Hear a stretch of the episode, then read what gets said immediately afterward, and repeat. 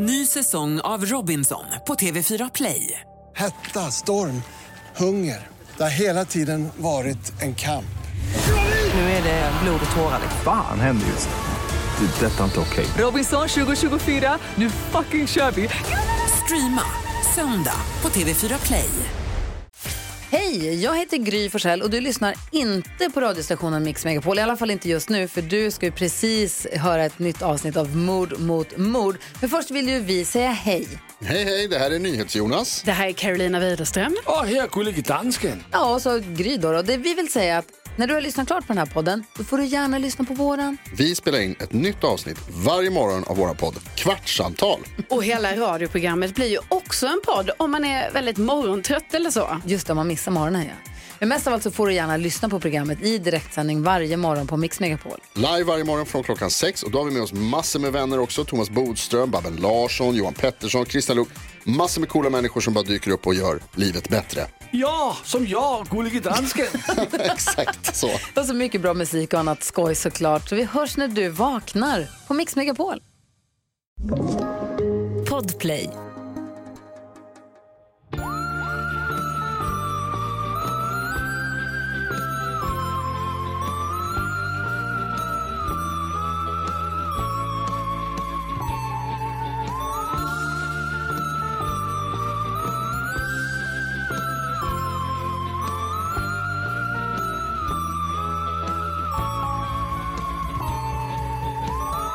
Då kör vi. Då kör vi. För då är det dags. Hej och välkomna till veckans eh, Mord mot mord. Veckans underbara mord mot mord. Vad är vi ens i tid när vi släpper det här avsnittet? Det är väl i början på augusti eller något sånt va? Oj jävlar vad sjukt. Det är det verkligen. Det är typ kanske den 11 augusti. Jäklar. Nej, Och är har jag den- börjat jobba. och du har fått ett barn. Jag har fått ett barn. Så jävla mysigt. Aha, kul. Fick, Alltså att ditt barn, inte mitt jobb. Hur känns det? Nej men det, det ska faktiskt bli kul. Jag skojar bara. Jag tror, att det kommer, eh, jag tror att det kommer vara roligt för dig. jag tror att det kommer vara toppen också. Och sen när du har alla dina nya attiraljer Ehm, med för olika fluff Typ en- och sånt. ja, ja, ja, ja. Pennor Precis, och... min nya penna, eh, mina nya sådana cat-glasögon, du vet sådana cat eye-glasögon. Just, i rosa. Ja, just det, för du är hon i Criminal Minds. Penelope. Abby. Ab, nej, vad Ja. fan heter hon? Heter hon inte Abby? Jag tänker bara Jo. på han som kallar henne för babe hela tiden. Exakt. exakt Det är ju det du vill. Du vill ju hitta din motsvarighet Ja, i en dansk alltså pilot. apropå, apropå, ja, 100 procent. Apropå Criminal Minds. Ja. Så han killen som kallar henne för babe och sånt hela Ah, tiden. vad heter han? Derek kanske? Eh, kanske. Han, alltså jag, eh, för några år sedan så hittade jag på Instagram ett inlägg där han hade mm, lagt upp sig själv, eh, en selfie. Eh, så hade han alltså en jättestort armbandsur på sin arm. Eh, och så hade han fotat sig själv liksom, och pekade lite på klockan så här. Ja. Och så var captionen på texten så här. What time is it? It's time to get up and be the best version of yourself that you can be. Och så var det något sånt helt sjukt motivational pep talk. Ah. Men, eh, och det tyckte jag var väldigt kul för att jag tyckte bilden liksom inte hängde ihop med, eh, med texten. Nej, nej. nej det, var inte, det var inte supertydligt. Nej, och jag vet inte om det är så kul att återberätta, men jag tyckte att det var väldigt kul. Jag tyckte och att det hade den något. har jag, skickade jag, jag och min eh, bästa kompis Lovisa, vi skickar den bilden lite då och då fram och tillbaka när liksom den dyker upp i ens minne. Ändå härligt. Jag gillar det. Hon heter Penelope Garcia. Ah, Okej, varför fick jag för mig att hon heter Abby? inte vem fan Abby är. Och han heter Derek. Jävlar alltså. Men fan, Ja, bra okej. koll. Nu måste vi kolla vem fan Abby. Är hon i någon annan serie nej, kanske? Nej. Ehm. nej, nej, nej. Jag vet vem det är. Det är är ju det? hon i, eh, hon är inte i Criminal Minds. Hon är ju i, och vad fan heter den serien? Den, det är ju typ lite grann, om du tänker det, det är samma kategori, inte så mycket som Criminal Minds men som typ ehm, CSI. Eh, och Abby, Ja, ja, ja, ja! Vet du vem jag menar? CIS. Ja, det är Navy CS, exakt, det är hon som är lite så goth girl där. exakt. Japp, Ja, exakt. Japp, hon är det. Mm. Ja, Okej. ja, så du, du eh, hade, alltså det fanns absolut koppling till serien, bara en annan serie Men samma, Ja men lite så. men lite samma typ av karaktär skulle jag ändå säga. Typ en så Ja, tjej som så inte går in i normen för vad Precis. de i USA tänker att man som tjej ska vara när man jobbar på de här ställena. Eh, precis, jättesexig när man jobbar på en brottsplats. Typ. Det, tycker, det håller jag för sig med om. Det tycker jag att man ska vara. Finns Alltså, Criminal jag Minds fortfarande? tycker det. Ja, det tror jag. Rulla på. Vet du vad jag verkligen jag kan tycker- rekommendera i allmänhet? Nej. Alltså som, jag, du kanske också är där inne ibland, men jag hade en, liksom en deep dive i det. Alltså Criminal Minds sån fan-wiki. Ja, ja, ja, absolut. Där har jag varit, där har jag varit många gånger. Alltså den och är ju, forskat. exakt, den är ju superbra. Alltså delvis så är det ju massa om Criminal Minds som man väl skulle vilja läsa det. Men det är också jättemycket om riktiga, riktiga fall. Gärningsmän. För att de refererar till riktiga fall hela tiden typ. Så det kan man Alltså, göra jag- en men- koll på. Jag minns eh, för många år sedan så bodde jag eh, i, med, med min dåvarande pojkvän i en ganska liten lägenhet och där var det så att sängen liksom tittade direkt på, alltså det var en etta på typ 22 kvadrat och du vet det var så att sängen, man såg ytterdörren när man låg i sängen. Japp. Så vilsamt. ensam. Alltså så jävla ovilsamt verkligen. Verkligen. Ehm, och jag fattar inte, vi bodde så i två år. Alltså fattar bo 21 kvadrat, två, Två år, personer. två personer. Med sängen mot Ehm, dörren. Alltså verkligen. Men då var jag ensam hemma en kväll och så kollade jag på Criminal Minds och sen kunde jag bara rakt av inte sova på hela natten för att jag låg alltså och tittade bara på dörren, Ah. att någon skulle komma in. Alltså det är så läskigt tycker jag. Men det är ju jätteläskigt, jag håller med. Visst är det det? Ja. Men, och jag tror typ ändå att Criminal Minds, för min del åtminstone, ändå är en del av typ mitt så, alltså mordintresse. För att, Absolut. alltså vilka jävla fall. Vilka, Vilka jävla, jä- obehagliga fall. Jag kommer ihåg ett avsnitt, nu är det bara att du och jag pratar om Pratar om tv. Criminal Minds. Men jag gillar det. Ja, jag, med.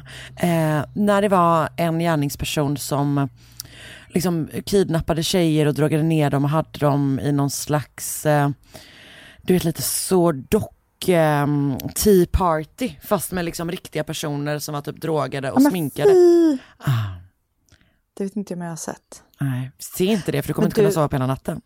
Nej, alltså verkligen inte. Och vet du, i det sovrummet som vi bor här nere i Kivik, där är det liksom en garderob, liksom eh, i alltså en walk-in closet, fast riktigt old school-aktigt. Alltså det är liksom en liten vindsgarderob om du fattar vad jag menar. Ah. Och jag har så haft den, och jag sov precis bredvid den dörren. Och jag sitter där nu också. Och jag har haft den liksom lite på glänt varje natt. Och då har jag också vaknat upp och tänkt så här, nej, tänk om någon och tittar på mig nu. Och nu vågar jag inte stänga dörren för då kanske den attackerar. Men, ja, men klarar du av att ha på glänt? För att för min del så måste jag vara, alltså det måste stängas, annars går det inte. Alltså pratar vi dörrar generellt eller just garderobsdörrar? Mm. Nej, garderobsdörrar. Alltså uppenbarligen kan jag ju det, fast jag är också rädd för det. Just det. Men du KBT-ar. Men nej, alltså verkligen, ofrivillig KBT. Ehm, men när jag var liten så väg, vägde jag stängd dörr. Alltså öppen till sovrummet. Ja, men det gjorde jag med. Jag gillade ju också att ha vidöppen dörr, tänt i taket och att hela min familj var vaken utanför. Ja, det är så mysigt. När de kollade på tv utanför. Ah, så mysigt. Det enda som var pinsamt var när de skrattade åt mig när jag gick i sömnen. Gulligt ändå. Men men, kul för dem. Verkligen. Eh, annars då? Ehm, Nytt sen sist? något nytt sen sist. Vi är ju för tillfället då kvar i Småland. Vi har haft eh, en sån besökskavalkad Just det. som sommaren typ känns som den är för ganska många. Eh, nu är jag lite trött. Jag eh, vaknade från en nap cirka en kvart innan vi spelade in. Men Så jag bra har suttit mig, satt mig i utesoffan och förberett med en glass. Som jag Gud, mig mysigt. lite stressad över att den ska hinna smälta. Eh, Men det, börja äta, det hörs inte. Alltså jag tog ändå, det är inte liksom de här chipsen som du gärna helst vill äta. Utan alltså, jag har ändå tagit en mjuk. Vad är det Men- för glass? Eh, det är en sandwich. Åh jäklar vad gott! Jag har precis så upptäckt, återupptäckt den. Alltså. Aha. Jag vet, det är toppen. Alltså jag köpte en sån låda med sex stycken sandwich. A.k.a. Gott. det lyxigaste jag vet. Att ha sån riktig, alltså liksom, du vet, eh, med liksom GB-glass, eller det behöver inte ens vara GB-glass, men låt oss vara ärliga, det är typ oftast det. Men sån Mm. glassglass i låda i kylen, alltså jag blir fortfarande, jag Ja, känner mig känns alltså tacksam över mitt liv när jag Mm. har det. Men vi har ju alltid eh, hemma det, Magnum såna. Dinner, Och det är, såna, är det såna små, små Magnum? sådana små. Väldigt, väldigt classy. Men det är också farligt för att det blir att man tar sig en liten glass varje dag efter middagen. Men är det farligt Ibland då? två. Jag tror inte det är farligt, jag tror att det bara Nej, är hälsosamt. Så, det, det är så liten glass. på hög nivå. Mm. på, på hög gott. nivå. på medelhög nivå. Jag åt en sån här somrig lunch också idag. Ah, berätta. Vilket bara var Skogaholms eh, limpsmackor med smör. inte det så klassiskt att man är bara på landet så man tar sig bara En macka. en macka. Vet. Och här är det inga surdegsbröd inte. Här är det på bageriet här uppe där vi handlar. Där är det liksom hedliga frukostfrallor. Ah, fy fan vad gott. Alltså det är så jävla gott. Ah, Och så köper vi såna här mandelgifflar med hemmagjord mandelmassa i. vilket Ja, gott, jävla är- liv. Ja, vilket liv Sommaren man va? lever. Sommaren. Ah, så här borde vi är ha det hela det här tiden. är hög nivå Karin. Det här, Det nu, alltså nu är vi uppe på illegala nivåer. Av livskvalitet. Verkligen. Vi är ändå enkla kvinnor. Det är vi. En, alltså, Folk tror inte det. En Eller folk i vår närhet tror inte det i alla fall. en Skogaholmslimpa, smör och så följer vi upp med en mandelgiff, vad heter det? Giff, giffel, heter det så? Giffel. Giffel. Jag tror det. Och sen så på eftermiddagen så får man sig en GB sandwich. Ah, en ljummen GB sandwich. Så sjukt gott. ah, Men vill du börja smaska på den eller? men vi kan göra det alldeles strax, men jag har också en sak som, jag, som, ehm, Jaså? som du och jag ju redan har hunnit prata om och som jag inte vet om du har hunnit än så Oh, länge. jo, jag har lyssnat på två avsnitt. Oj, snabb, för det har inte jag hunnit. Eh, och då kanske du är den som ska avgöra om det är ett tips eller inte. Jag tycker att det är bra. Ja. Okej, då Absolut. kör vi på eller? Då kör vi på det som tips. Eh, nej men det är ju att eh, Svenska Dagbladet har ju släppt en podd som heter Medicinmannen. Mm. Som är producerad av Banda som också gjorde Olöst för Spotify. Eh, och eh, den, eh, jag har som sagt läst om den och börjat lyssna på den och bara var typ så här. det här verkar så spännande. Ehm, ska jag liksom läsa, eftersom jag då Ja, inte... Okej, men så här står det om den. Om den. En långhårig man i fjäderskrud dyker upp i Sverige 19, våren 91. Medicinmannen kommer från ett nordamerikanskt urfolk och har en unik visdom som kan rädda planeten. Människor följer honom djupt in i skogen för att leva i harmoni med naturen. Men är lägerbyn ett drömsamhälle eller en sekt? Alltså, jag tycker det låter väldigt spännande. Det, Jag tänker att det är väl inte typ eh, true crime i sin liksom kanske vanliga, vanliga form. Men det verkar väldigt spännande. Men det är en helt bisarr eh, Japp. Weirdness. berättelse. Ja. Jag tror att det är en sån, eh, ja nej men det, det känns, men vet du vad det också känns som? Som en bra Nej. sån sommar, eh, Sommarlyssning. sommarlyssning. Så den finns väl överallt antar jag, antar jag. Som alla poddar gör. jag, Typ. jag tror det va? Ja, jag tror också det. Ehm, ja men bra, då kan jag ändå med ditt goda, sam, liksom, ditt goda tycke och smak Mitt goda minne. li, lyssna vidare. Det tycker jag. Bra. Har du eh, sett något? Hört något? Vet vad händer på stan? Vad händer på stan? Nej, men inte så mycket va alltså. Nej, känns inte som Jag kan det. inte säga det. Jag började titta på, eh, jag har inte sett färdigt än så jag vet inte om det är en tips heller, men det är en eh, dokumentär, eh, en dokumentär, liksom film får man väl nästan säga, för det är inte en serie, eh, om, som heter eh, fallet Vanninkoff eh, Karabantes. Just det, som hette, Som som, finns är på på Netflix Netflix, ja. Och det fallet Och har jag jag har, eh, gjort. Kommer du ihåg Ja, jag minns. Ja. Nu när du säger det minns det? jag Det det. lät Men, som att du... Att nej, du men var, jag, jag, det, jag, jag, jag, jag har inte sett så långt så jag har inte hunnit koppla ihop det. men det är typ på spanska, spanska solkusten eller någonting va? Ja. Eller hur? Intressant Ja. miljö på något sätt. Ja, nej, men jag har noterat den och känner mig eh, intresserad. Så jag ska också, jag ska följa i dina fotspår. Alltså förlåt, nu bör, jag skulle kolla vad den hette och nu så börjar min Netflix bara ljuda här så att jag hör ingenting annat än musik. Så. Det vi kommer göra nu är alltså att dagens avsnitt kommer alltså vara att vi spelar upp den här dokumentären. Klipp. Ah, Alltså, nej men alltså rakt hela, av, vi kör bara- hela. ah. Eh, det kan bli rätt Så eh, enjoy! upphovsrättsproblematiskt men vi tycker typ ändå att det är värt att ta den smällen. Absolut. Ja, låt det Nej. rulla. Nej, idag är det faktiskt jag Karin. Idag, Idag är det jag som ska köra Ja. ett fall.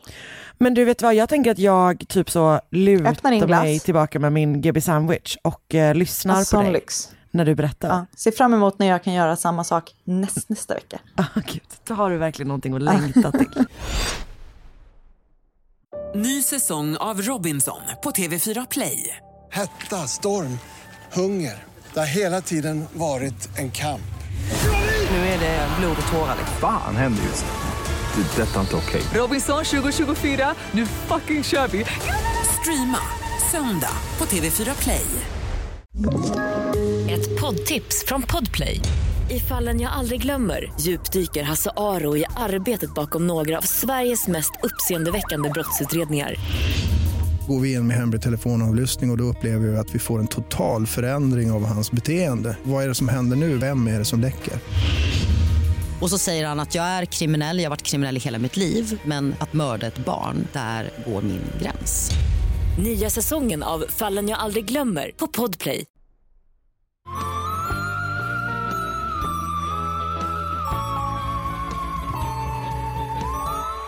Så efter vi hade eh, poddat förra veckan så slog det mig att jag fick ett eh, tips för ett tag sedan på ett fall som kanske, alltså in, jag ska inte säga exakt samma tema, men det finns liksom ändå likheter.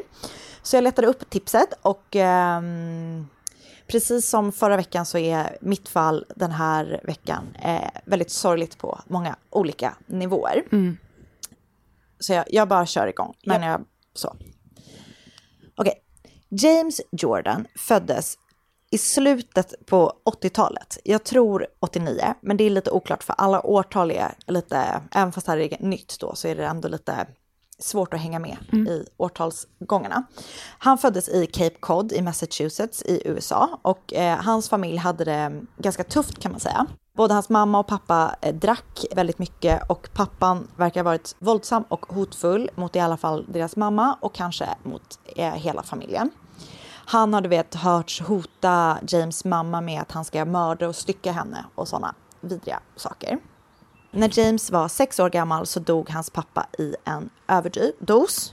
Han bodde i och för sig inte med pappan då eh, och de hade ingen särskild kontakt för pappan, eller James växte då upp med sin mamma och sin lillebror. Men James mamma då som eh, var alkoholist och eh, hade då enligt utsago inte särskilt bra koll på sina barn. James fick redan som väldigt liten komma och gå som han ville hemma och han bodde ofta över hos kompisar flera nätter i sträck utan att det liksom verkade vara något konstigt för hans mamma. Mm. Och han verkar ha varit en väldigt ensam person och jag läste någonstans att han brukade kolla på Animal Planet som eh, godnattsaga när han skulle sova istället liksom för en vanlig godnattsaga. När han blev tonåring så började även James att dricka och röka marijuana. Och i samma veva som han då började eh, göra det så började han också strunta mer och mer i skolan. Han började även syssla med lite liksom, med små, mer småskaliga brott eh, och när han var 13 eller 14 så åkte han fast för att ha gjort inbrott i en bil. Och James växer ju då upp utan ett liksom, så kallat skyddsnät. Eh, han har då inga vuxna i sin närhet som hjälper honom och ser till att han liksom, kommer på rätt sida. Så att det som hände istället när han får problem är att hans mamma verkar istället ha sparkat ut honom när det händer saker, när han gör dåliga saker. Så han är typ helt ensam. Han är helt ensam. Och när han typ har skärpt, skärpt till sig så får han komma hem. Så hon är väldigt eh, lynnig eller vad man ska säga. Alltså hon har, Men det blir hon typ ett orkar väldigt- liksom inte ta tag i det. Det blir liksom ett villkorat, liksom en så extremt villkorad relation där han bara får vara hemma när han När han sköter i hennes sig. ögon sköter sig liksom. Mm. Och det finns då grannar som eh, liksom James tyr sig till och som bryr sig om honom. Och det, men det är ju inte riktigt samma sak som att ha föräldrar som är liksom närvarande. Och det finns en granne som har uttalat sig som har berättat att han ofta var hemma hos henne och hennes son och att hon lagade mat till honom. Och du vet, hon gjorde typ de enklaste sakerna, men han hade aldrig ätit det förut. Sen bl- blev han liksom alldeles tagen av olika... Han blev alldeles tagen och hon har beskrivit det som att han typ hade ätit alla råvaror för sig tidigare, men aldrig fått det typ som ett sammansatt mål. Om du förstår vad jag menar. Så här var det ju när jag började dejta Marcus. han, var, han var så imponerad. Ja, Det är men det, där slutar nog... Eh, Det är nog sant. Det är nog sant. Men jag kommer aldrig glömma när Marcus första gången eh, åt en dessert där det i botten var lite sånt digestive kross. Ja, och han rakt ut, eh, skrek rakt ut, det är kaka här nere. så glad. Eh, nej men det är så jäkla sorgligt bara att tänka du vet att han har så här aldrig fått ett fullständig måltid typ. Utan det, han verkar liksom ha ätit, du vet så här, ah, här finns det typ potatis. Man typ äter det man, man kommer över lite grann. Ja. Och, eh, men enligt James lillebror så är det här då en överdrift och han hävdar då istället att James var riktigt, riktigt stökig och jobbig hemma. Mm. Att du vet, han kunde gå så gång upprepade gånger och trasha hela deras hem och att mamman då gjorde allt för att liksom så här försöka stävja det. Du vet, så här, du kan inte bete dig så här. Alltså det verkar vara lite då Ja. olika, och det, sanningen kanske är någonstans mitt emellan och sådär. Men han verkar i alla fall ha det, han har det jättejobbigt och det verkar vara ett väldigt spänt hem där han kommer ifrån då. Och eh, han har ju då liksom blivit bortkörd hemifrån så att det, det är i alla fall ingen eh, drömtillvaro att växa upp i. Eh, och ju äldre James blev, desto mer stökig och oberäknelig verkar han ha blivit. Han gick vidare från att bara bruka marijuana till att också sälja det. Och hans vänner berättar att han började göra liksom allt mer eh, och mer konstiga saker. Han brukade liksom vandra omkring i stan där de bodde och, och så sa han till sina kompisar, alltså vet bara helt sådär uh, utan plan typ. Och så Mm. berätt, sa han till sina kompisar att han gärna ville hitta någon som han kunde typ klå upp. Han är typ ute och pushar gränser. Verkligen så. En av hans kompisar har berättat en väldigt obehaglig historia om när han och James var ute och gick och James fick syn på en groda i något slags vattendrag som de passerade. Och då har James tagit upp den här grodan bara för att stampa på den. Mm. Och efter att han har stampat ihjäl den så då tog han fram typ en sån liten stickkniv eller vad det kan heta. Du vet en sån tve, tveeggad kniv. Och eh, karvade upp den här eh, stackars grodan. Och allt det här liksom gjorde han bara helt okommenterat framför den här kompisen som bara var så här. Eh, Okej, vad händer? Så han, folk runt omkring honom börjar tycka att det känns liksom sådär att eh, vara med honom. Och, eh, och tycker att det är som han, han, han mår inget bra, eller han gör inga bra saker. Men det tåls väl också att säga att utöver att han då både dricker och röker marijuana så lider han av psykisk ohälsa. Och han liksom har konsekvent avböjt och undvikit vård eh, och hjälp för det. Det känns inte som att det här är ett bra, det är ingen bra situation på gång. Nej. En, Och då en kan man ju gissning. återigen, alltså det är en bra gissning. Mm, tack. Och återigen då så kan man ju bara tänka att hade han haft liksom det lite mer stabilt och hemma och, och sådär så hade han förhoppningsvis kunnat få den hjälpen han behöver. Men han har liksom verkligen dåliga förutsättningar för Ja. livet. Han verkar då också, han är liksom väldigt lynnig i humöret och, och mamman då kan inte hantera det och en dag då verkar det som att hon bara totalt får nog. Och det saknas som sagt ett årtal i de här källorna som jag hittar, men enligt mina goda gissningar så vill jag tro att det här är då någon gång på slutet på 2000-talet. Alltså när han, alltså jag skulle säga mellan kanske 2006 till 2010. Mm. Så han är liksom runt 20 år typ. Då bestämmer sig i alla fall James mamma att han inte får bo där längre, hemma hos henne. Så eh, han har ju ingenting att gå till, han har liksom inga pengar, han har inget hem och sådär. Eh, så han får ett tält av sin eh, mamma som han kan bo i och sen så får han dra hemifrån. Oj. Och då börjar han bo på olika liksom, random ställen överallt mellan Vermont och Cape Cod. Han säljer droger för att eh, försörja sig och vänner till honom har liksom berättat att han liksom bara fortsätter att bli mer och mer speciell. Han snöade in på olika saker och, och kunde bli så väldigt, väldigt paranoid. Han trodde typ att alla pratade om honom var han än var. Han ville ha koll på typ den snabbaste utrymningsvägen eh, på alla platser han befann sig. Du vet, han var väldigt så här, ja men paranoid, liksom väldigt eh, stissig typ. Och i januari 2011 så har han tillbringat en natt eller två på typ ett vandrarhem eller ett hotell eller någonting sånt i en stad som heter Shelburne som ligger i Vermont. Han, han vägrar checka ut när personalen ber honom att checka ut och antagligen så är han gör väl liksom någonting som stör dem och jag vet inte om det är att han inte har betalat och sådär. Jag vet inte exakt vad det är som åberopar att de ringer polisen, men de ringer i alla fall polisen för att de vill bara få bort honom därifrån. Mm. Och när polisen kommer dit så ligger han på golvet och så har han lagt alla sina saker typ en så här stor hög på ett bord. Och så ligger han liksom och pratar för sig själv. Och de är inte egentligen där för att gripa honom utan de är där för att det liksom Avhysa honom. avhysa honom. Exakt. Och det är så helt lugnt och sansat och de ber honom att gå. Eh, och istället för att bara göra det så, så från ingenstans så säger Jordan att han har eh, Mariana på sig. Han berättar att han har runt ett halvt kilo marijuana i sin bil. Och så berättar han att han har stulit en mobiltelefon från receptionen. Han bara liksom, de har knappt frågat honom någonting utan han bara berättar det här liksom. Ja, exakt så. Okej.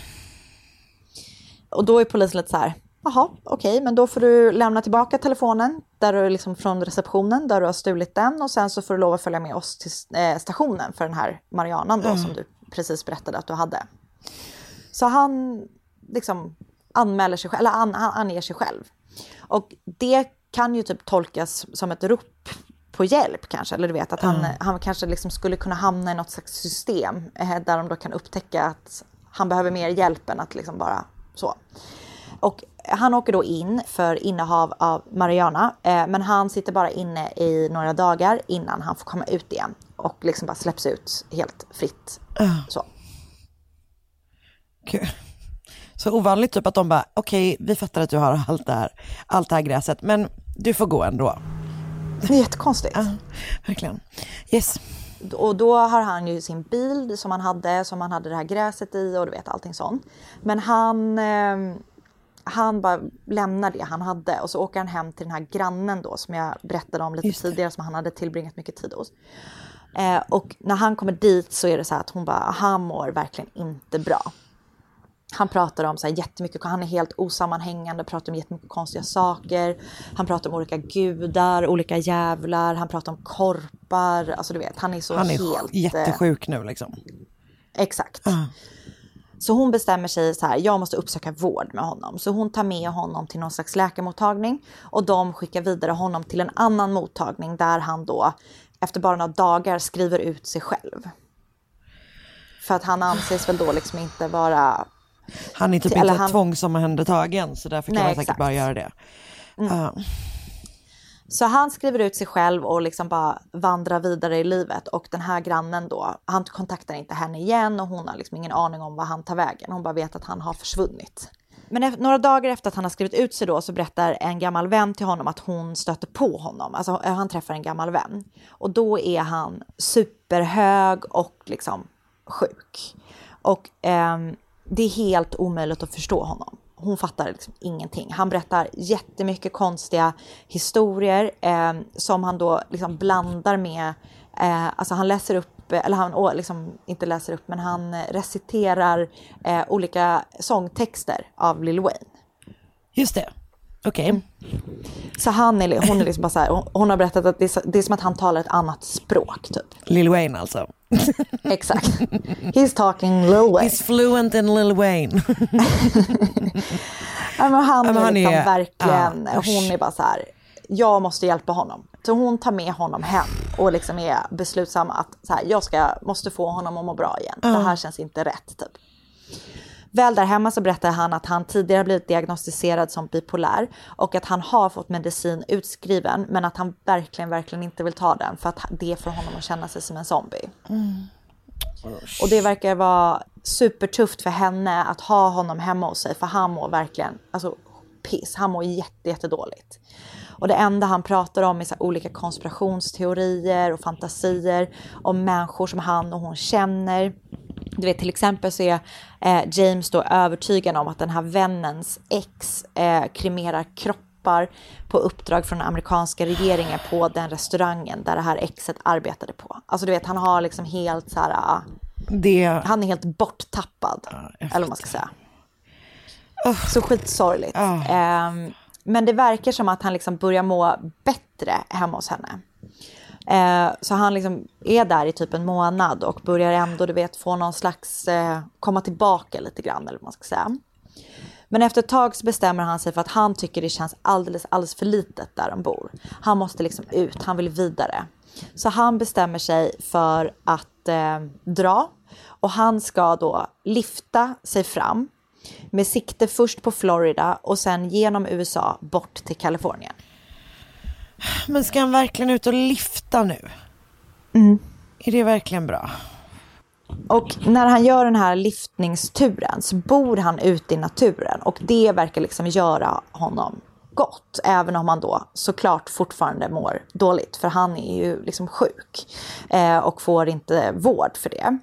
Och under juni 2013 så verkar det liksom som att han det verkar som att han har mått lite bättre och sen så verkar det som att han börjar må sämre igen. För att ehm, i juni 2013 så grips han tre gånger i väldigt tät följd.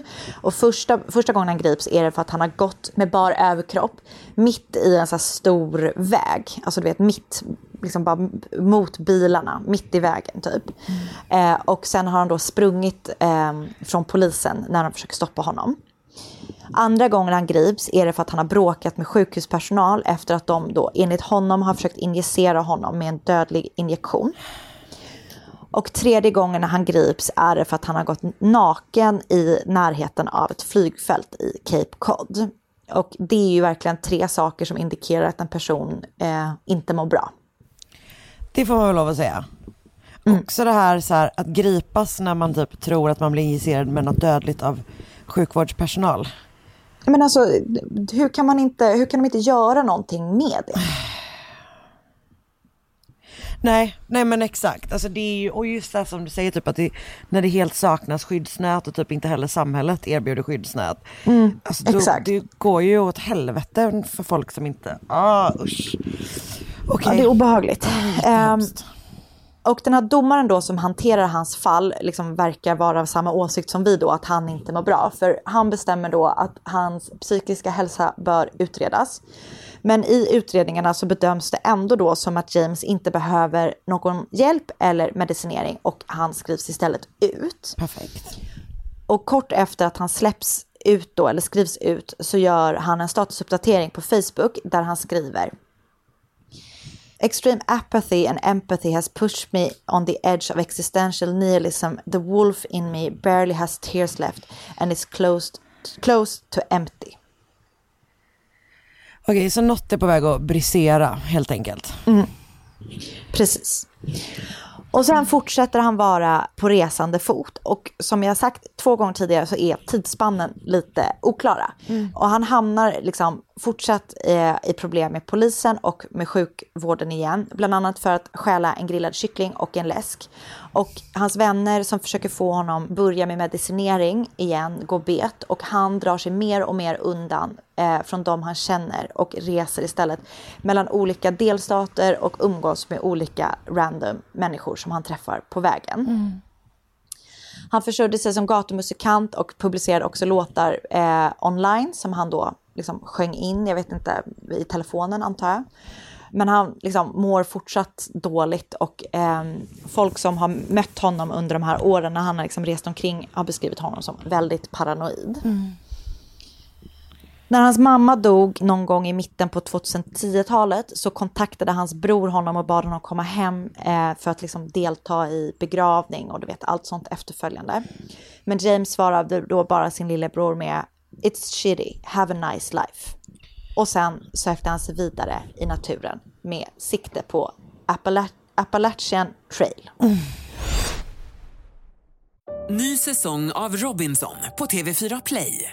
Hetta, storm, hunger. Det har hela tiden varit en kamp. Nu är det blod och tårar. Fan händer just nu. Det. är Detta är inte okej. Robinson 2024, nu fucking kör vi! Streama söndag på TV4 Play. Poddtips från Podplay. I podden Något Kaiko garanterar östgötarna Brutti och jag, Davva, dig en stor dos skratt. Där följer jag pladask för köttätandet igen. Man är lite som en jävla vampyr. Man har fått lite blodsmak och då måste man ha mer. Udda spaningar, fängslande anekdoter och en och annan arg rant. Jag måste ha mitt kaffe på morgonen för annars är jag ingen trevlig människa. Då är du ingen trevlig människa, punkt. Något Kaiko, hör du på Podplay. Därför är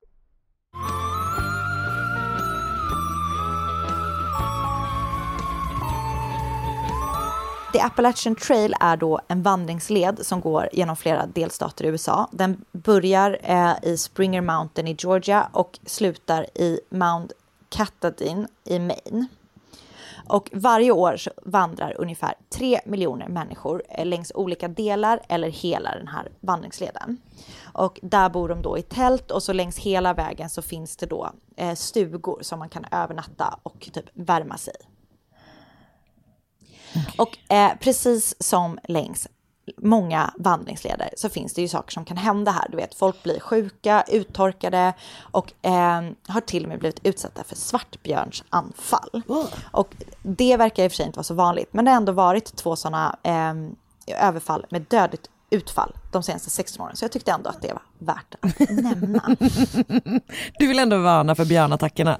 Ja. Ah, jävlar. Eh, Då vet man ändå att det är real vildmark. Alltså så mycket, alltså det är typ min skräck att eh, stöta på en björn.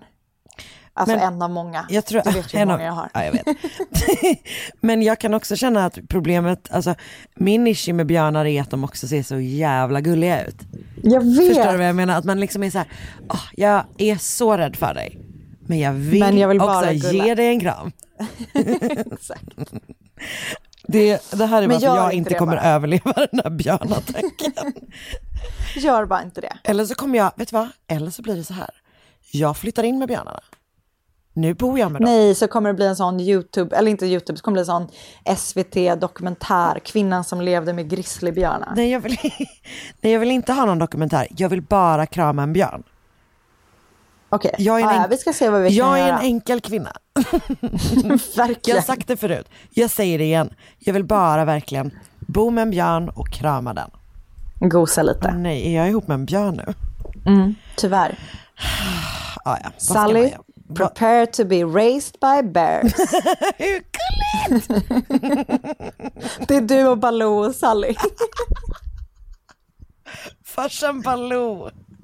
Gulligt Sally kommer uppfostras som att björnen är alltså hennes She will never know another father. Alltså verkligen. Och allting kommer bara kittla dödsskönt i kistan. Ja, absolut. Ah, vilket jävla liv. Och jag kommer vara Bagheera. Just det, Jag kommer vara er liksom kloka panterledsagare. våran kloka pantertant. Ja. Med kattglasögon och fluffpenna. It all comes together. Verkligen.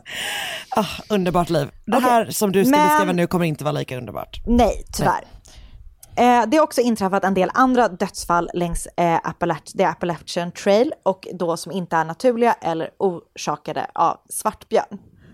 Sedan, 19, sedan 1974 har det inträffat 12 mord eh, längs den här leden. Och några har blivit lösta, men vissa är fortfarande olösta. Och det kanske blir ett annat avsnitt. Who knows? Ehm, men i alla fall, James Jordan tog då med sig sin hund Felicia och drog till The Appalachian Trail. Och där började då han liksom bara leva sitt liv med henne. Han kallar sig för Sovereign och eh, han har med sig ett regnskydd som han sover med och en kniv som jag antar att han skaffar sig olika sorters föda med. Så han Ehm. bosätter sig liksom i det. Det är inte det att han är, Ja. han är, ja jag fattar. Mm. Han, precis, han bosätter sig där. Han Ja. är inte bara där för att göra en vandring, utan han liksom Japp. flyttar dit. Och eh, när James då har kommit till vandringsleden så börjar andra vandrare att känna sig olystiga. Eh, han dyker upp i tid och otid på alla möjliga platser och beter sig märkligt och hotfullt mot andra vandrare. Han brukade hytta med sin kniv och skrika utanför deras tält på nätterna. I andra fall eh, så väste han åt folk som gick förbi honom. Och eh, några som har stött på honom har berättat om hur han har stått utanför deras tält och skrikit Do you want to die? på natten. Typiskt obehagliga saker, alla de här. Alltså så sjukt läskigt. Och sen han då flyttade dit så har det i de här olika stugorna som liksom finns på längs leden så finns det typ som en sån här liggare, du vet, där man kan skriva typ så här fönstret trasigt eller du vet sådana saker. Ja. Och i de här liggarna så har då, sen han kom dit, folk börjat varna för att det finns en person ute på vandringsleden som kallar sig för Sovereign som de tycker att liksom så här, han var obehaglig typ. Så att om ni stöter på honom så typ gå snabbare. Bra, bra tips, tack. Eh, men den 22 april eh, 2019 så kommer, poli- eller åker polisen ut till platsen där James befinner sig längs då leden. Och de, då griper de honom. För att det är några som har varit ute och vandrat som har anmält honom och hoten han har gjort mot dem. Vid tillfället på gripande så har han på sig en 43 centimeter lång kniv som polisen beslagtog. Och så griper de honom för brott mot alkohol och droglagen. Jag vet inte exakt vad det är han har gjort för brott mot dem, men de plockar i alla fall med honom in och då när de griper honom så har han då, alltså det är typ en machete som han har på sig. Liksom. Eh, han får då sitta inne i sju dagar innan han släpps igen och han återvänder direkt tillbaka till vandringsleden. Hmm. Och bara knappt tre veckor så kommer polisen att gripa honom igen. Ute på leden när James då väl har kommit tillbaka så befinner sig en man vid namn Ronald Sanchez Jr. Eh, på en lång vandring. Han ska vandra hela leden. Han är en före detta militär så han har haft tre vändor i Irak och nu då har han då kommit hem. Eh, liksom, han är färdig eh, med krig. Efter kriget, liksom hans eh, krigsrundor. Han är färdig med krig. Jag önskar att vi alla kunde vara det. Verkligen. Ja. Bra. Nej, det är så hemskt. Och han är Ah, då gud. liksom, han är inte samma person som innan han åkte. Du vet. Han eh, har jättemycket PTSD, han tycker inte om att vara ute bland människor. Så han har du vet, skilt sig från sin fru, han, måste liksom, han vill bara vara ute i naturen. Eh, där han liksom finner någon slags frid eh, och sådär. Så han har då åkt till The Appalachian Trail eh, för att liksom få vara i fred typ. Ehm, och han har åkt dit på egen hand men han slår följe liksom, med andra vandrare längs eh, vissa sträckor och vi- vissa nätter. Eh, och folk som har stött på honom, han är liksom en väldigt schysst och reko person och han har eh, fått namnet Stronghold av eh, människor som han då har stött på på den här vandringen. Eh, och den 10 maj eh, var just då en sådan dag när Ronald kände för att göra sällskap med lite andra människor. Så han eh, slår följe med ett, en kvinna och en man som jag inte har namnet på och en annan kvinna vid namn Kirby Morrill. Och hon var då en student från Kanada. Hon pluggade sin master på universitetet och eh, spelade och var tydligen sjukt duktig på rugby. Wow. Och hon har då eh, också bestämt sig för att vandra hela leden, också själv. Så de fyra då slår följe. Och under dagen eh, så stöter de på James. Och eh, de liksom bara hej hej typ och tycker att han, han står och spelar och sjunger när de går förbi. Och jag vet inte om liksom, de tänker så mycket på att han finns. Eller vet de typ hejar och går vidare. Ja. Och sen slår de läger för kvällen. Och på kvällen dyker då James upp igen i deras läger. Och då sitter han liksom lite för sig själv men ändå vid dem och eh, spelar och sjunger på sin gitarr. Och sen börjar han agera eh, väldigt hotfullt. Och han säger typ att alla de som är där förtjänar att dö. Och så pratar han om så här olika sätt som han tycker att de ska dö på. Och så efter ett tag så försvinner han ut i skogen igen. Och då bestämmer de sig för att så här, "Ja, men vi, vi borde nog gå vidare typ. Eh, för det känns inte tryggt Oj. att vara kvar här när han är i närheten. Så fastän det liksom är typ kväll så bestämde de sig ändå Mm. för att typ packa ihop sina grejer och dra vidare för att undvika honom liksom. Exakt. Okej. Men då kommer James tillbaka och då har han en kniv i sin hand. Och han börjar då jaga två, alltså den här mannen och den här kvinnan som jag inte har namnen på, ut ur lägret typ. De, de, alltså för alla håller väl på att packa ihop sina grejer för de är ju liksom inte i samma sällskap så alla har väl du vet lite olika Mm. saker att typ packa ihop och de verkar liksom vara fär, först färdigt packade. Så de är väl liksom på väg och då får James syn på dem och han börjar alltså jaga dem. Så de bara springer och han jagar efter dem. Och de är såklart skiträdda. Men James bara helt plötsligt bara vänder tvärt tillbaka. Han bara Mm. slutar jaga dem och springer åt ett annat håll. Så de liksom springer vidare för att larma polisen. Och eh, James har då vänt och springer tillbaka igen till lägret där Ronald och Kirby befinner sig. Väl framme i lägret så ger James sig på Ronald och han hugger honom eh, upprepade gånger med sin kniv tills Ronald till slut faller ihop och dör. När han har dödat Ronald så ger han sig på Kirby. Han jagar henne och attackerar henne med sin kniv. Och hon har typ en supertung ryggsäck på sig. Så hon liksom faller bakåt för att hon blir liksom baktung. Typ.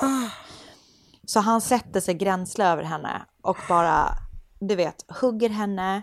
Och sen så liksom typ slänger han undan kniven och bara fortsätter typ att mata slag.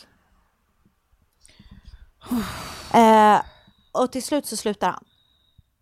För han tror att Kirby är död. Men hon är inte död. Utan hon spelar bara. Så han ger sig av för liksom, ja, han, han tror väl att han är färdig typ. Så hon ligger kvar helt, helt blickstilla och väntar tills att hon är säker på att han har försvunnit. Och då reser hon sig och börjar gå. Och hon, har blivit huggen nio gånger till. Alltså hon har, ja, hon har nio stora knivhugg i ansiktet och på hela kroppen. typ. Och är liksom mitt ute i ödemarken. Mitt ute i ödemarken. Hon går 10 kilometer bort till de närmsta, de vandrare som hon vet är närmast. Det tar henne tre timmar att gå och alltså det är bara, du vet, rinner blod. Hon försöker tydligen tejpa ihop sina skador med typ alltså sån eh, packtejp typ. Eller du vet sån eh, silvertejp heter det. För han har liksom alltså suttit på henne och knivhuggit Ja. henne mot typ överkroppen liksom. Mm. Och B, alltså han har träffat lite överallt. Så hon försöker tejpa ihop sina skador men, men, det är, så, men det är så mycket blod så det går liksom inte. Men hon kämpar på. Alltså hon bara power through och går 10 kilometer i tre timmar. Och till slut så kan hon då eh, färdas, alltså hon, hon flygs tror jag till ett sjukhus där hon då sen kan behandlas för sina nio ordentliga knivhugg. Alltså tänk att vara eh, de vandrarna i det lägret som hon kom fram Nej, till. som tar emot henne. Ja. Alltså, Att det kommer liksom en, en superblodig, helt förstörd kvinna vandrande in i ditt läger. Nej, nej, alltså det är, jag ryser nu när du återberättar det för mig. Nej, alltså det är, alltså det är så jävla obehagligt. Jävlar vad sjukt. Ja. Okej, så hon lyckas liksom, jag fattar inte, du vet, jag orkar knappt gå tre timmar. Nej, nej, alltså, jag slog mitt tennisracket på mitt smalben häromdagen och fick typ halta hem från tennisbanan. Du är också en överlevare. Nej men alltså typ, jävlar. Nej, men det är så jävla coolt, alltså. Det är så jävla coolt. Hon är så jävla ball. Och polisen har ju då såklart kallats till platsen eh, och när de, och de kommer fram liksom, ja, ett på natten typ. Eh, och då ska de då hitta honom ute på den här vandringsleden. Också det, hur läskigt? Nej, det är så jäkla läskigt. Och Det är en typ, fruktansvärt vet, obehaglig miljö det här. Nej, det är så skitläskigt, jag vet. Och de letar och letar i flera timmar och det är typ gryning när de till slut hittar James. Ah. Och då sitter han i en buske i närheten av ehm, ett annat tält. Och han är så här helt tyst och väldigt blodig. Och när de närmar sig honom för att gripa honom då så överlämnar han sig själv helt utan någon kamp. Eh, utan han säger bara I'm glad you got here in, just in time. Somebody was just standing over my head with a rock.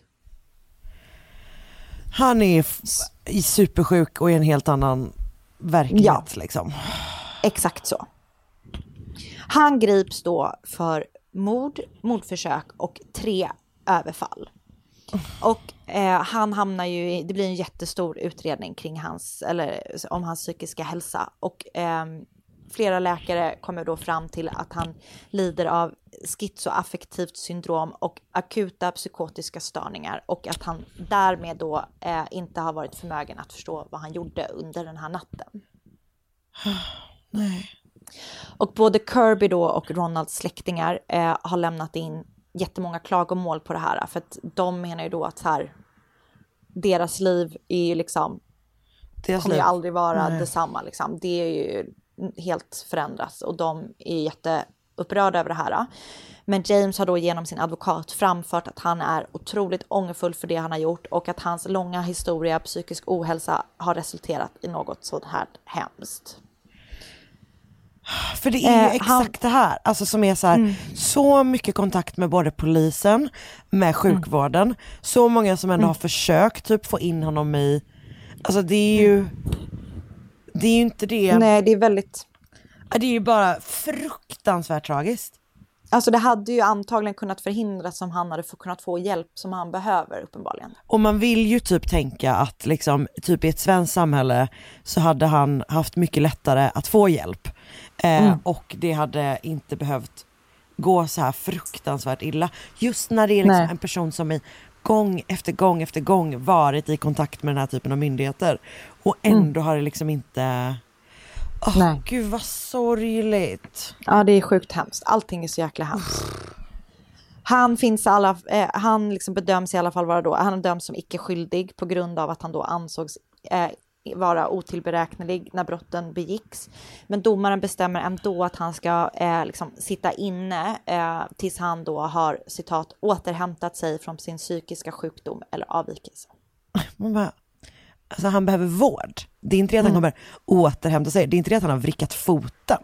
Nej, nej, jag vet. Det är så jävla dumt. Så han sitter liksom inne nu, men eh, han är ändå oskyldig på grund av då. Men sitter han, alltså är det som en liksom vård, alltså har han, är det som att Alltså, han har det, till... det, det står att han har dömts till federal custody. Eh, så att det, så, Som jag, försöker, och jag, jag är ju mer då? sämst, typ så tror jag att det är. Ah. Inte det också helt sjukt? Mm. Nej, alltså han behöver ju uppenbarligen hjälp. Förhoppningsvis så får han kanske liksom, i alla, liksom någon slags vård där inne. Men det, jag Ah, vet inte hur det funkar. jävlar vad Men, sjukt. eh, Det är så jäkla hemskt. Liksom. Hela historien är så grundhemsk verkligen. Det var sorgligt. Det var Ja. jättesorgligt. Och det är Jag just... har läst... Ja, det säger förlåt. Nej men det bara är- det här att det, ja, men så som vi pratade om med, med Apojaure-morden, att det är något, Mm. just den här vildmark, alltså som sagt, det är en skräckfilm. Det är en skräckfilm. Och det är en skräckfilm där hon liksom sen ska ta sig den här långa sträckan, alltså Ja, men alltså, det, alltså jag fattar inte. Tänk att göra det. Men tänk också bara att vara i ett läger och bli liksom typ som så attackerad av en person med en stor jävla kniv. Nej, Alltså, alltså, så- jag, kan, så jag kan inte tänka på det. Nej vi får aldrig tänka på det. För nu har vi precis gjort Nej. det, vi har den här podden. Mm. Men, men just, ah, gud vad läskigt. Väldigt sorgligt. Gud, ja. Eh, jag har läst en artikel på Boston Globe med titeln The Twisted and Fatal Journey of the Accused Appalachian Trail Killer skriven av Evan Allen, eh, Laura Crimaldi Crimal, ja, och Alejandro Serrano. Jag har läst en artikel som heter List of Appalachian Trail Murders since 1974 på Green Belly skriven av eh, Katie Licavoli och i den artikeln så hon hävdar då ändå att det är, det är ändå safe att vandra där. Okej men då Eh, vad hette hon, Katie? Ja, Katie. Ja men då får vi ändå Hon, lita hon såg ut att ha gjort några vandringar på hennes eh, biobild. Men det är väl som vanligt, det, det, det är inte där vi behöver vara som mest rädda. Nej. Eh, jag läste en artikel på Washington Post som heter Man who fatally stabbed hiker on Appalachian Trail found not guilty by reason of insanity, skriven av Tom Jackman. Och en artikel I held still. Canadian hiker feigned death to survive knife attack on the Appalachian Trail på National Post, skriven av Kevin Bissett. Alltså, Och det är då har intervju med Kirby Morell. att det där att spela död.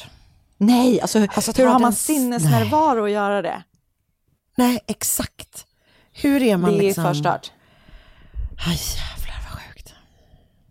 Kirby. Kirby är sån jäkla hjälte alltså.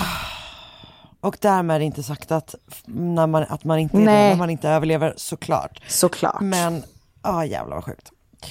Och gud, du tack snälla. Tack själv Karin. Ännu en historia för er som är ute och kampar där ute. Verkligen. Nu slutar vi med det sen. Men Det här- jag, det var ändå Det är som att vi har sånt lobbyismarbete mot tält. Typ alltså att jag har det. Jag, jag joinar gärna Fast in vet i du det. vad? Det var inte så Nej. länge sedan som du pratade om att du skulle vilja gå ut och vandra i Norge typ. Men jag vill vandra men jag vill för guds skull inte bo i tält Var ska du bo då? då? Men på hotell. Eller vandrarhem. Jag trodde du var en enkel kvinna. Nej, inte när det kommer till vandring. Aldrig. För jag vill inte äta frystorkad mat och jag vill inte bo i tält.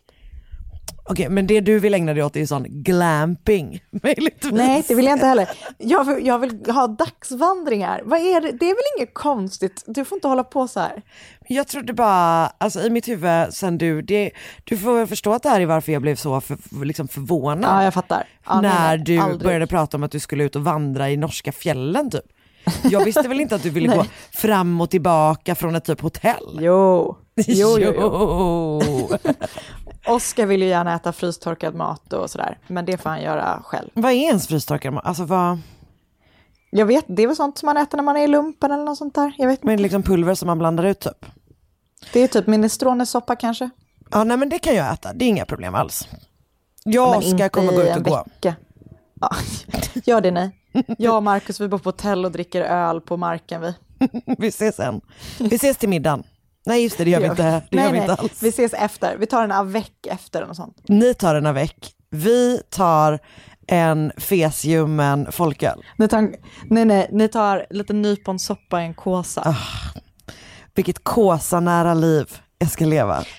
Jag drack faktiskt kaffe ur en kåsa igår på stranden. Ändå stämning. Sån Mm. jävla stämning eller? Mm, det var det, absolut. Vi åt också, vi är en sån typisk matsäcksfamilj, vi åt vår matsäck alltså fem minuter efter vi kom till stranden. Så härligt. Så vi kommer dö av svält snarare på vår vandring. Ja. Tur att du snart ska tillbaka till hotellet så vi behöver inte oroa oss för dig i alla fall. Är det bra? Okej, ehm, vi är tillbaka om två veckor igen ju. Ja, det är vi. Ehm, då är det dags för ett sista specialesavsnitt. Ehm, Just det. Och sen efter det så börjar det släppas, släpper vi avsnitt som vanligt igen varje vecka. Och två Det blir kul. vecka. Det blir, Det blir verkligen, det blir, kul. verkligen kul. Och så länge så får ni ha det så bra. Eh, och eh, så kan ni väl alla vid den här tiden då hålla tummarna för att eh, min förlossning har gått bra och att Ja. Anna, eh, Annas återtåg till sin arbetsplats, även den har gått bra. Ja, det hoppas Stora vi grejer allihopa. som händer för oss. Verkligen. Mm, nu kör vi. Hej! Hej! Ny säsong av Robinson på TV4 Play. Hetta, storm, hunger. Det har hela tiden varit en kamp. Nu är det blod och tårar. Fan händer just nu. Det. är Detta är inte okej. Robinson 2024, nu fucking kör vi! Streama söndag på TV4 Play.